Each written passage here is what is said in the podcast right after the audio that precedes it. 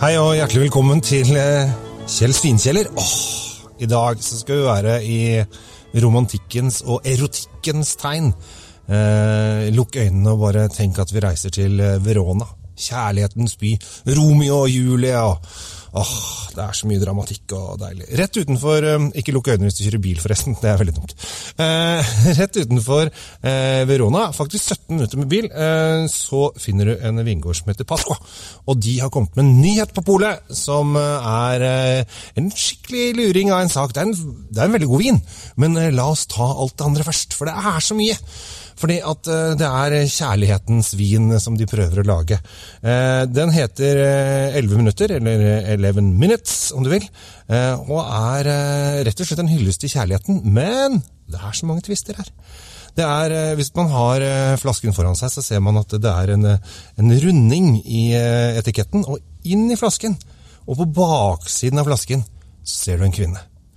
Denne kvinnen er eh, musen, altså drømmeinspirasjonen til en uh, italiensk kunstner som var veldig romantiker, og skrev uh, flotte dikt. Han har skrevet et romantisk dikt som går rundt hele etiketten. Det er litt sånn vanskeligere å se.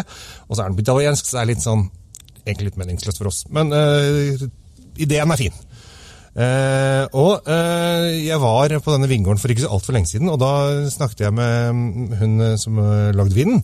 Og så sa jeg det at ja, 11 minutter, ja, hva, hva er det for noe?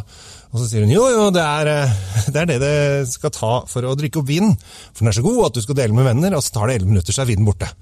Så sa jeg ja, men jeg har fått noe nyss om at uh, det kanskje har en litt annen eh, betydning. Og hun bare ja, ja, dro hun litt på det da, du vet, disse italienerne, de vil ikke si alt med en gang. Eh, men 11 minutter er det, og da vet jeg ikke hva dere har erfaring av hjemme, men eh, ifølge da, eh, denne italienske produsenten, så er det den tiden det tar å ha et samleie. Vi eh, lurte litt på om det var fra man begynte å kneppe opp eh, buksa og vorspiel og alt, eller om det var ren eh, action. Men det hadde hun egentlig ikke noe særlig svar på.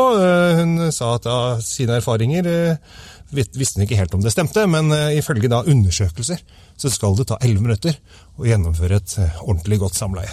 Så vet jeg ikke hvilke erfaringer dere har hjemme, men dere kan jo ta tida neste gang og se på det. Og hvis ikke dere har noen å ligge med akkurat nå, så lønner det seg å stikke og få tak i denne flaska. Den eh, er på noen pol, men må også bestilles eh, litt rundt om. Den eh, koster 169 kroner, heter Pasqua Rosé og er en nyhet på polet.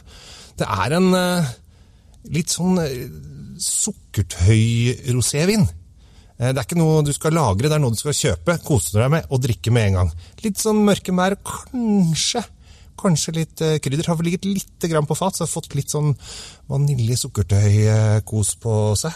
Eh, Jeg drakk den først i Norge, og syntes jeg Oi, dette var en rar rosévin! Den likte jeg! Åh, det var gøy! Og så fikk jeg høre historien om sex. Øy, ble enda mer gira! Eh, Og så, når jeg var i Italia nå i sommer og fikk lov å stikke innom vingården og smake på den der, så var den fortsatt like god. Så dette her er en uh, rosévin jeg syns er eh, kjempebra. 169 kroner. Kanskje litt sånn i øverste sjiktet sånn prismessig, men eh, den, er, eh, den er ganske kul. Og så har den litt kul flaske. altså Det er ikke en vanlig flaske sånn som vi er vant til. eh, med, den er litt tjukkere, litt kortere. Så jeg vet ikke om det har noe hint med sex å gjøre. Altså, det, det kan godt være.